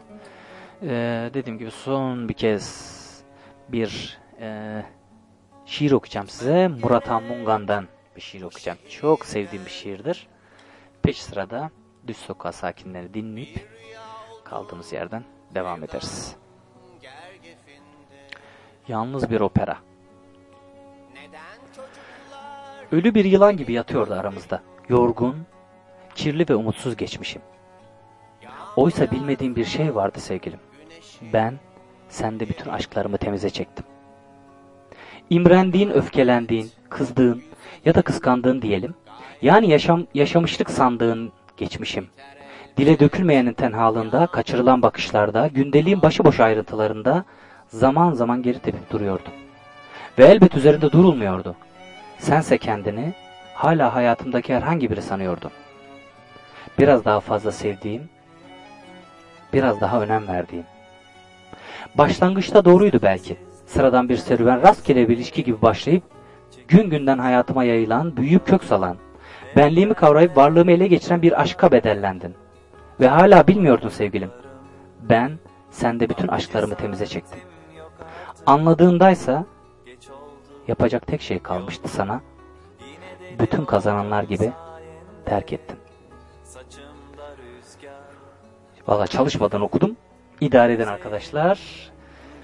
Ee, yayınımızın burada sonuna geliyoruz. Haftaya çarşamba günü yine e, 21-23 arası ama olası bir değişiklikleri ben Facebook'tan haber vereceğim.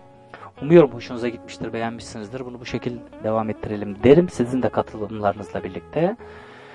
Ee, ve en son e, Düş Sokağı sakinlerinden Sevdan Bir Ateş dinleyelim. Ve bugünkü yayınımızı burada sonlandıralım. Ee, dinlediğiniz için teşekkür ederim. Ara ara e, izleyici sayısı, dinleyici sayısı 25'leri, 30'ları buldu. Hepinize çok teşekkür ediyorum. Bu çok büyük bir nimet bence. Ee, bana bu sabrı gösterdiğiniz için, tahammül ettiğiniz için çok teşekkür ederim. Hepinize şimdiden iyi geceler, iyi uykular dilerim. Ve e, Düş Sokağı sakinleriyle programımızı sonlandıralım. Hoşçakalın.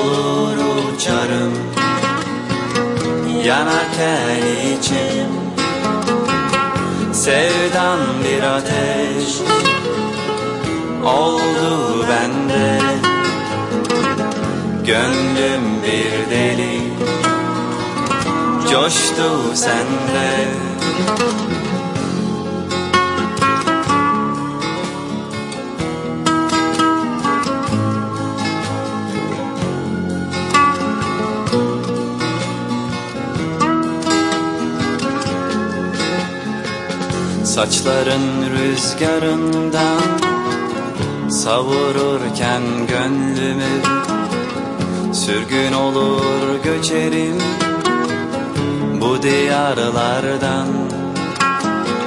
Sürgün olur göçerim bu diyarlardan. Kime dokunur ellerim Kimi görür gözlerim Ölüm çıkar karşıma Yine sen derim. Ölüm çıkar karşıma yine sen derim. Sevdan bir ateş oldu bende. Gönlüm bir deli coştu sende Sevdan bir ateş oldu bende. Gönlüm bir deli coştu sende